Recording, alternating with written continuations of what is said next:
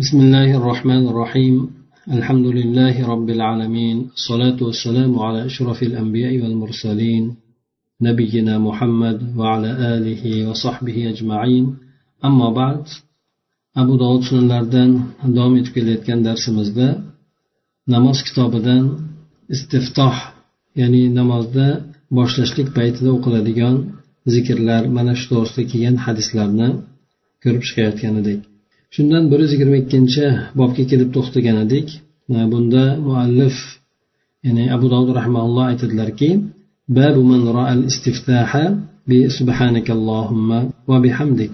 Ya'ni istiftoh duosini payg'ambar sallallohu alayhi vasallamdan har xil suratda rivoyat qilingan. Ana o'shalardan birisi subhanakallohumma va bihamdik deb boshlanadi. Ana o'sha narsani aytadigan ya'ni shunday o'qiladi deb aytadigan odamlarni keltirgan hadislari bor ekan yetti yuz yetmish beshinchi raqamli hadisda aytadiki bu hadisni abu said hudri roziyallohu anhudan rivoyat qilganlar u kishi aytadilar كان رسول الله صلى الله عليه وسلم إذا قام من الليل كبر ثم يقول سبحانك اللهم وبحمدك وتبارك اسمك وتعالى جدك ولا إله غيرك ثم يقول لا إله إلا الله ثلاثا ثم يقول الله أكبر كبيرا ثلاثا أعوذ بالله السميع العليم من الشيطان الرجيم من همزه ونفخه ونفثه ثم يقرأ. رسول الله صلى الله عليه وسلم أجر كتا نمازك ترديون بسلر تكبير أيتادلر يعني تكبيرة الإحرام نأيتب قلق قلنا كيين أيتادلر كي سبحانك اللهم وبحمدك سبحانك ما ناصر seni hamma aybu nuqsonlardan poklayman degan mazmunda bo'ladi. Bu faqatgina alloh taoloni o'ziga nisbatan aytiladi xolos. Allohimma ya ey allohim seni butun aybu nuqsonlardan poklayman va senga hamd aytishlik bilan poklayman degani. Tabaroka degani muqaddas bo'lgan buyuk bo'lgan degan ma'nosida ya'ni ismuka alloh taolo seni isming muborak bo'ldi e, muqaddas bo'ldi. Ya'ni e, seni isming bilan yaxshiliklar juda ham mo'lkul bo'ldi barakatli bo'ldi. E, va taala jadduk taala degani ham oliy bo'ldi degani. Jaddiy jadd degani bu yerdagi bu yerdagi bo'lgan ma'nosi buyuklik degan ma'nosini ifoda qilar ekan. Yana jaddunda boshqa yana arab tilidagi bo'lgan ma'nosi bor. Unda nasiba ulush degan ma'nosi ham keladi. Bu yerdagisida olimlar aytishadiki bu buyuklik ma'nosini ifoda qiladi seni buyukliging juda ham oliy bo'lgan degan mazmunda inson alloh taoloni bu zikrlarni aytishlik bilan poklab ulug'laydi. Subhanaka tabaraka taala degan so'zlar alloh taologa xos ishlatilar ekan. Bular alloh taologa sifat suratida. Vala ilaha g'oyruk ya'ni sendan boshqa iloh yo'q deb shunday boshlar ekanda keyin la ilaha illalloh deb uch marta aytar ekan keyin allohu akbar kabiro deb uch marta aytgan ekanlar keyin ana undan keyin istiozani qilgan ekanlar. Audu billahi samiil alim ya'ni eshitib biluvchi bo'lgan alloh taolo bilan e, quvilgan shaytondan panoh so'rayman. Uni hamzihi degani teginishligi degan ma'nosi ham bor hamda o'tgan safargi darslarimizda keldi ba'zi olimlar buni she'ridan deb ham aytgan ekan nafhihi degani kibri nafbihi degani uni bir jinnilik telbaligi degan mazmunlari mana shu narsalardan shaytonni shu narsalardan alloh taolo bilan panoh so'rayman deb aytar ekanda keyin keyin qiroatni boshlar ekan abu dovud rahmaulloh aytadilarki وهذا الحديث يقولون هو عن علي بن علي anil hasan mursalan al vahmu min ja'far. Yana bu hadisni yana ba'zi roviylar aytishgan ekanki ali ibn alidan rivoyat bu hasandan rivoyat qilgan mursal suratida ya'ni bu hadisni mursal rivoyat qilingan deb ba'zi roviylar muhaddislar aytgan ekan. Lekin buni abu dovud aytadilarki bu yerdagi vahm bu yerdagi xatolik jafardan bo'lgan ya'ni o'sha alidan e, bo'lgan alidan rivoyat qilgan jafar ana o'sha bu yerda xato qilgan ya'ni boshqa bir nimasida mursal deb aytgan ekan. Ya'ni bu hadis alboniy rahimaulloh aytganlaridek sahih mursal emas balki muttasil hamma san'atni bog'langan suratda rivoyat qilingan ekan. Yetti yuz yetmish oltinchi bo'lgan hadisda bu hadisni abu dovud rahmaulloh oysha onamizdan rivoyat qiladilar u kishi aytadilarki كان رسول الله صلى الله عليه وسلم إذا استفتح الصلاة قال سبحانك اللهم وبحمدك وتبارك اسمك وتعالى جدك ولا إله غيرك oysha onamizdan demak bu rivoyat qilingan bu hadis payg'ambar alayhissalom namozni ushbu zikr bilan duo bilan boshlardilar deb keladi mana bu demak aytilgan e, zikr yoki duo bizni mazhabimizda ham mana shu mashhur qilib olingan asosan demak sano deb aytiladi yoki bo'lmasa o'sha istiftoh deb quloq qoqqandan keyin to qiroatni boshlagunigacha mana bu zikrni qilinadi abu dovud rahmaulloh pastda aytib o'tyaptiki وهذا الحديث ليس بالمشهور عن عبد الله عبد السلام بن حرب لم يروه إلا طلق بن غنام وقد روى قصة الصلاة عن بديل جماعة لم يذكروا فيه شيئا من هذا يعني بو حديث abdulloh abdusalom ibn harbdan mashhur emas ya'ni e, bir roviyni keltirib turib u kishidan bu hadis unaqa suratda mashhur rivoyat qilinmagan balki bu hadisni tolqimni g'annam rivoyat qilgan. Yana bu yerda namoz qissasini budayldan bir jamoat rivoyat qilganki unda mana bundan biron narsani zikr qilishmagan deb pastda aytib o'tadi. Yuqoridagi bo'lgan hadisimiz demak oysha onamizgacha bo'lgan san'at bilan bu hadis sahih ekan. Yana boshqa bir yo'llari to'g'risida demak abu dovud rahmaulloh gapirib o'tdi. Bir yuz yigirma uchinchi bo'lgan bob e, bunda abu dovud rahmaulloh shunday deb nom keltiradilar. Babu saktati indal iftitahi. Ya'ni e, iftitoh qilayotgan paytda namozni boshlayotgan paytida sakta qilishlik ya'ni jim turishlik to'g'risida kelgan hadislar majmuasi ekan. yetti yuz yetmish yettinchi bo'lgan hadis alboniy rahmaulloh bu hadisni hamda undan keyingi ikki hadisni ham zaif deb ishora qilgan ekan.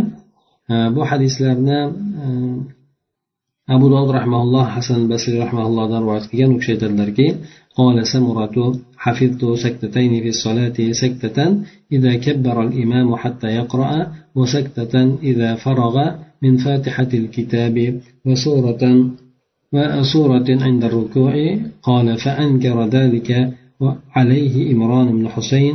قال فكتبوا في ذلك إلى المدينة إلى أبي يعني أبي بن كعب فصدق ثمرة hasan basir rahmaulloh aytadilarki samura aytdilarki men namozni ichida ikkita saktani ya'ni ikkita jim turishlik o'rnini yod olganman shuni men bilaman bular agar imom takbir aytgan paytida to qiroat quniga qiroatni boshlagunigacha bo'lgan sakta qilishlik bor hamda fotihati kitobdan bo'shagandan keyin va rukudan ruku paytida shu suradan bo'shagan paytida saktani shuni imom jim turishligini men yod olganman deb aytadi. Ya'ni ikkita saktani o'rnida bu o'rinda aytib o'tyapti. Bu quloq qoqqandan keyin to qiroatni ya'ni alhamdu bilan boshlashlikkacha bo'lgan e, imomni jim turishligi jim turishlik deganda bu mana sano o'qiladi. Bu tashqariga jahli chiqarilmaganligi uchun go'yoki jimlik bo'ladi bu yerda. Ana o'sha jimlikni bu o'rinda shunday deb aytyapti. Ikkinchisi esa alhamdu surasidan bo'shagan paytida ruku qilayotgan paytda shu suradan bo'shagan paytida deb aytadi. Shunda e, bu narsani imron ibn husayn roziyallohu anhu u kishiga inkor qildi shunda keyin ular E, bu borada madinaga ubay ibn kab roziyallohu anhuga maktub yo'lladilar. U kishi esa samurani bu borada tasdiqladi. Haqiqatdan payg'ambar alayhisalomdan shu sakta qilganligi rivoyati to'g'ri degan mazmunda bu kishi aytgan ekanlar. Abu dovud aytadilarki ya'ni boshqa bir rivoyat yo'lda humayd roviylardan birisi aytgan ekan. E, bu kishi Э, sakta bor lekin qiroatdan bo'shagan paytida deb aytgan ekan.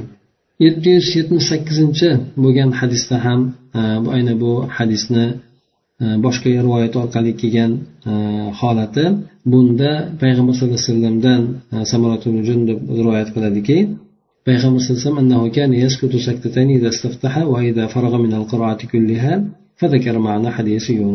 payg'ambar sallallohu alayhi vasallam ikkita sakta qilardilar ikkita o'rinda jim turardilar. Namozni boshlagan paytlarida va qiroatni hammasidan bo'shagan paytlarida deydi. Xuddi yuqoridagi yunus hadisni ma'nosini zikr qilib o'tgan ekan. Yetti yuz yetmish to'qqizinchi bo'lgan hadisda bu hadis ham doif deb rivoyat qilingan e, bunda ham o'sha yuqoridagi bo'lgan hadisni boshqa rivoyati orqali aytilyapti.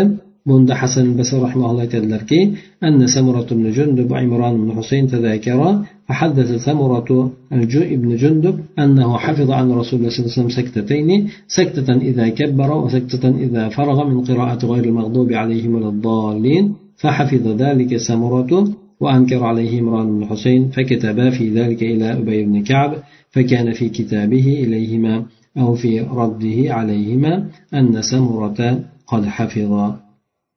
mana bu rivoyatda esa samurat jundub bilan imron ibn husayn roziyallohu anhular ikkalari bir e, hadislarni bir holatni namozni to'g'risidagi bo'lgan hadislarni bir e, zikr qilishib qolgan ekan. Shunda samurat ibn jundub e, aytibdilarki rasululloh alayhivasallamdan men ikkita saktani ikkita jim turadigan o'rinni bilaman. U kishi takbir aytgan paytlarida bir sakta qilardilar. Yana birisi alhamdu surasidan tugagan paytida deb ana o'sha qiroatdan bo'shagan paytida bir muddat jim turardilar deydi. Ana o'sha narsani samura yod olgan edi. Imron ibn husayn esa bu kishiga bu narsani inkor qildi. Ikkalalari esa bu borada ubay ibn kab roziyallohu anhuga maktub yo'lladilar. Bu kishi ya'ni ubay ibn kab o'zlarini maktublarida yoki ularga bergan javoblarida samura bu holatni ya'ni o'sha narsani yod olgan u kishi to'g'ri aytgan degan mazmundagi xatni yuborgan ekan undan keyingi bo'lgan yetti yuz saksoninchi bo'lgan hadisda ham mana shu hadisni boshqa rivoyat orqali keladi bunda jundub roziyallohu anhu aytadilarki سكتتان حفظتهما عن رسول الله صلى الله عليه وسلم قال فيهم قال سعيد قلنا لقتادة ما هاتان السكتتان قال إذا دخل في صلاته وإذا فرغ من القراءة ثم قال بعد وإذا قال غير المغضوب عليهم ولا الضالين سمرة بن جندب رضي الله عنه aytadilarki men payg'ambar sallallohu alayhi vasallamdan ikkita saktani yod olganman ikkita jim turishlik o'rni bor ekanligini yod olganman shuni u kishidan bilaman deb aytgan ekan Roviylardan birisi aytadiki bu borada said deb yuqorida keltiryapti. O'sha roviylardan birisi aytdi biz qatodaga ya'ni qatoda ibn e, duoma sadusiy rahimaulloh ya'ni bu kishi tobiinlardan shu kishiga biz aytdik e, bu ikkita sakta qaysi sakta edi deganda u kishi aytdilarki namozga kirgan paytda ya'ni payg'ambar alayhi vasallam namozga kirayotgan paytlarida va qiroatdan bo'shagan paytlarida debda so'ng qo'shib qo'ydilarki ya'ni deb aytgan paytlarida jim turardilar deb keltiradi. Demak mana bu e, saktalar to'g'risida hadislarni e, ko'proq zaifligi aytiladi. Ba'zi olimlar tomonidan esa bu e, vallohu alam rivoyatlarni sahiy deb olinganligi bo'lsa kerak. Shu borada mazhablarda biroz ixtilof bor ekan. Imom shofiy va imom ahmad hamda imom avzoiy rahmaullohlar bular o'sha uch o'rinda e, ya'ni sakta qilishlikni mustahab deb aytishgan ekan. Ya'ni uch o'rinda bo'lishligi e, bulardan birinchisi o'sha quloq qoqqandan keyin sano aytiladigan payti ikkinchisi e, alhamdu surasi tugagandan keyingisi uchinchisi esa umuman qiroatdan to'xtagandan keyin ruku qilishlikdan oldin bir inson bir jum turib keyin ruku qilishligi. Mana shuni e, uchala e, imom demak mustahab deb aytishgan ekan. Abu hanifa mazhabida hamda imom molik mazhabida esa bu sakta qilishlik ya'ni makruh deb sanalar ekan. Alhamdu surasidan keyin e, sakta qilib to'xtab turishlikni ular makruh deyishgan ekan. Bu narsalarni asosi aytib o'tilgandek bu hadislarga suyanilgan bu hadislarni esa olimlar sahiy deb olishligi yoki zaif deb olishligiga allohu alam bog'liq bo'lgan bu hadislarni alboniy rahmaulloh ham zaif deb keltirgan ekan undan keyin yetti yuz sakson birinchi bo'lgan hadisda esa bu hadisni abu dovud rahmaulloh abu hurra roziyallohu anhudan rivoyat qiladilar ya'ni payg'ambar sallallohu alayhi vasallam إذا كبر في الصلاة سكت بين التكبير التكبير والقراءة فقلت له بأبي أنت وأمي أرأيت سكوتك بين التكبير والقراءة؟ أخبرني ما تقول.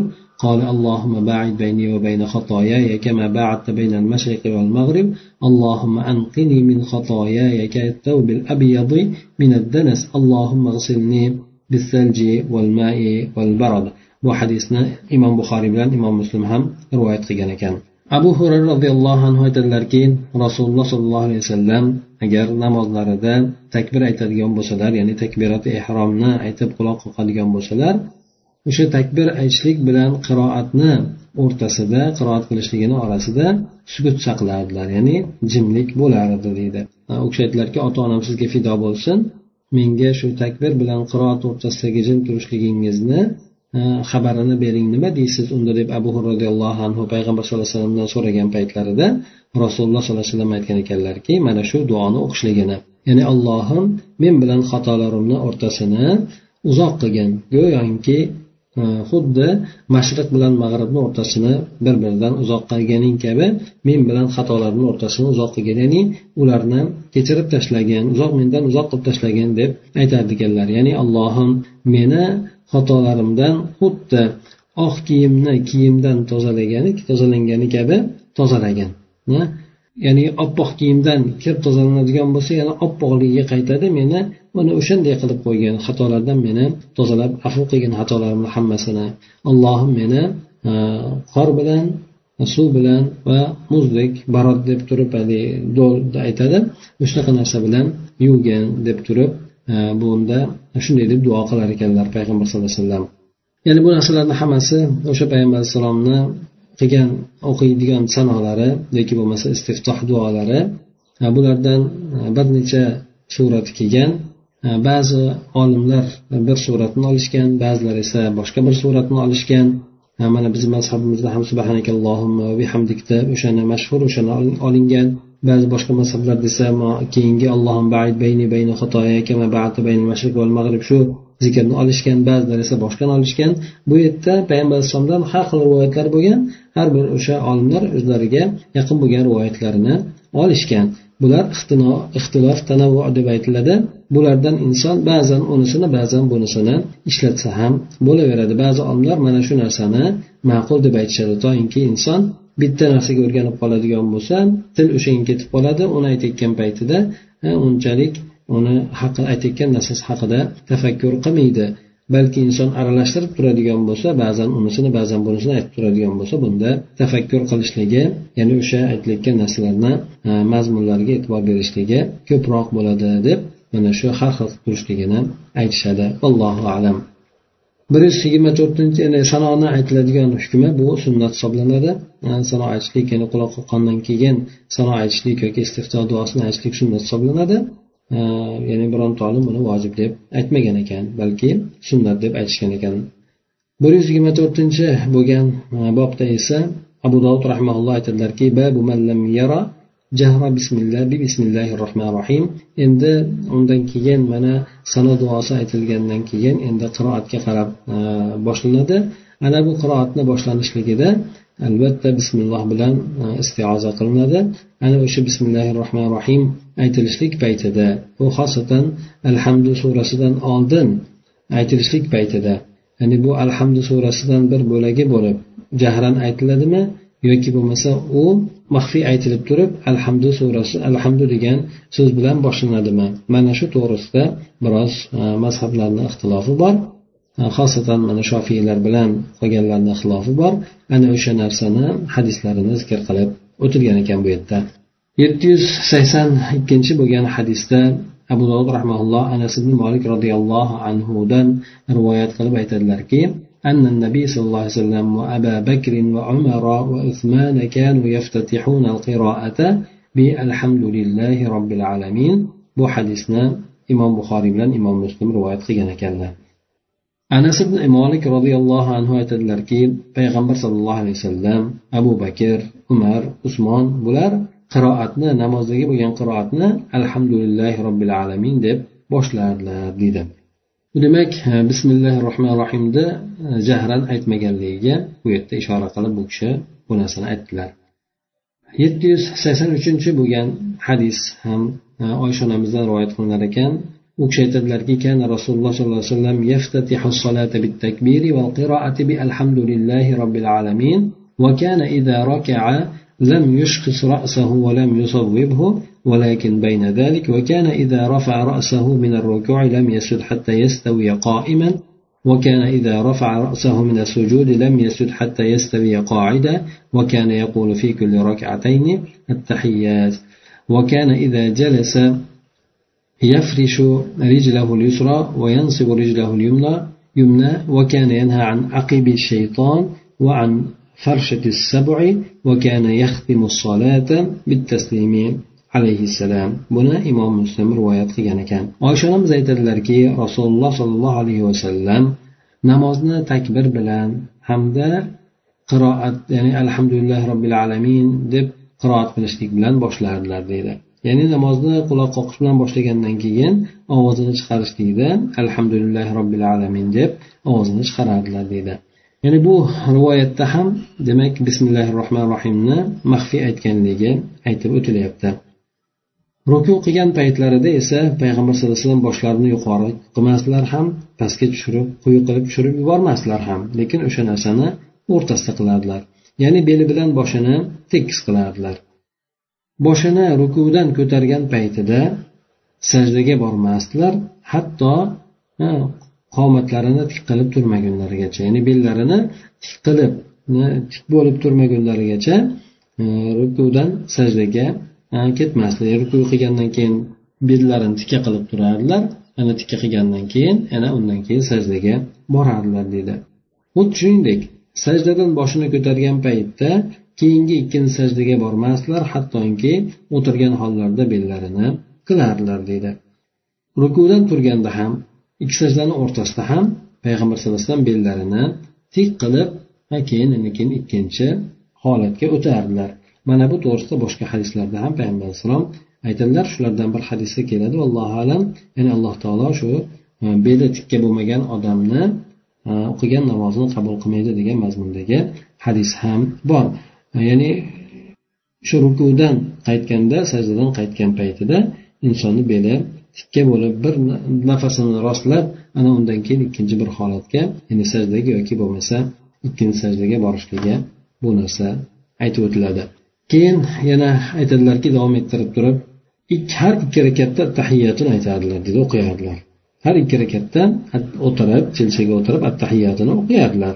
Endi bu yerda payg'ambar sallallohu alayhi vasallam o'tiradigan bo'lsalar chap oyoqlarini to'shardilar o'ng o'ng oyoqlarini tikka qilardilar. Chap oyog'ini to'shab mana bizda yuqoridagi bo'lgan avvaldagi darslarimizga hadislarda o'tgan chap oyog'ini to'shab uni ustiga o'tirardilar o'ng oyog'ini esa tikka qilib Э, qo'yardilar tikiladilar mana bunisi esa sunnatdir. Yana bu yerda oysha onamiz aytadilarki shaytonni o'tirishligidan qaytarardilar va hayvonlarni yotib olishligidan qaytarardilar dedi. Shaytonni o'tirishligi qaysi? Bu borada olimlarni bir necha fikrlari kelgan ekan. Shulardan e, ya'ni yaqinrog'i deb olishganlari inson ikkala dumbasini yerga qo'yib turib boldirini tikka qilishligi boldirini tikka qilib ikkala qo'lini yerga qo'yish qo'yib o'tirishligi mana shu shaytonni o'tirishligi deb aytishgan ekan. Ya'ni e, ko'tini yerga qo'yadida keyin ikkala oyog'ini ya'ni boldirlarini tika qiladi. Boldirlarini tika qilib oldiga o'tiradida qo'llarini esa yerga qo'yadi. Mana shunday o'tirishlikni bu shaytonni o'tirishligi deb aytgan ekan. Bu narsa albatta namozda qaytarilgan boshqa o'rinda emas buni makruh deb aytishar ekan. Ikkinchisi hayvonlarni yotib olishligi kabi deganda bu xuddi mana sajdaga borgan paytida inson tirsaklarigacha yerga tekkizib olishligi. Xuddi it ba'zi hadislarda itni o'shandek o'tirishligidan qaytarilgan ya'ni o'shandek holatdan bu o'rinda ham qaytarilyapti. Bu makruh hisoblanar ekan. Inson sajdaga borganda tirsaklarini yerga tiyab emas balki o'zidan qochirib yuqoriga qilib turib turishligi bu sunnat bo'ladi. Yana payg'ambar sallallohu alayhi vasallamni oysha onamiz aytadilarki namozni salom berishlik bilan tugatardilar dedi. Ya'ni namozdan chiqishlik esa salom berishlik bilan albatta shu salom berishlik bilan bo'ladi. Yetti yuz sakson to'rtinchi bo'lgan hadisda bu hadisni muxtor ibn fulful rivoyat qiladi.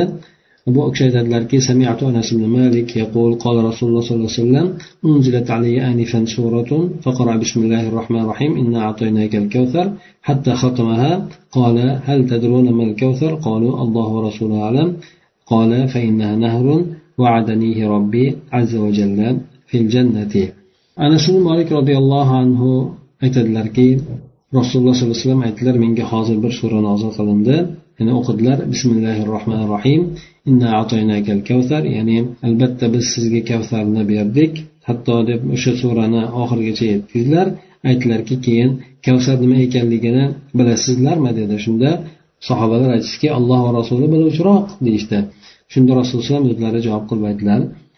Albatta u bir daryodir. Robbim azza va jalla menga uni va'da qilgan. U esa jannatdadir dedi. Ya'ni jannatdagi bo'lgan daryo ekan. Ana o'sha daryoni alloh taolo bu kishiga va'da qilgan. O'sha kavsar daryosidan payg'ambar alayhissalomni hovuzlariga suv chiqadi.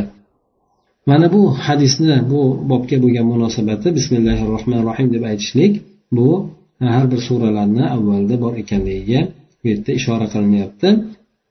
Mana shu jihatidan bu hadisni keltirib o'tilyapti. Ya'ni alhamdu surasida ham avvaldagi bo'lgan oyat bismillahi rohmanir rohim o'zini keltirilyapti bu boshqa suralarda ham surani avvalida o'qilar ekan deb aytib o'tilyapti yetti yuz sakson beshinchi bo'lgan hadisda esa bu hadisni albon rahmaulloh doif deb ishora qilgan ekan bu oysha onamizdan rivoyat qilinadi bu yerda aytadilarki جلس رسول الله صلى الله رسول الله صلى الله عليه وسلم وكشف عن وجهه وقال أعوذ بالله السميع العليم من الشيطان الرجيم إن الذين جاءوا بالإفك عصبة منكم rasululloh sollallohu alayhi vasallam o'tirdilarda yuzlarini ochdilar deydi. O'zlarini yuzlarini ochdilar va aytdilarki hop ya'ni ko'pincha arablarda yuzlarini bunday e, burunlarini ostigacha bekitib yurishlik shunaqa urf odati bo'lgandi ularda. Endi chang to'zon boshqa narsa bo'lganligi uchun allohu alam ana o'sha narsada payg'ambar alayhissalom kirdilarda o'sha yuzlarini ochdilarda keyin aytdilarki billahi ya'ni eshitib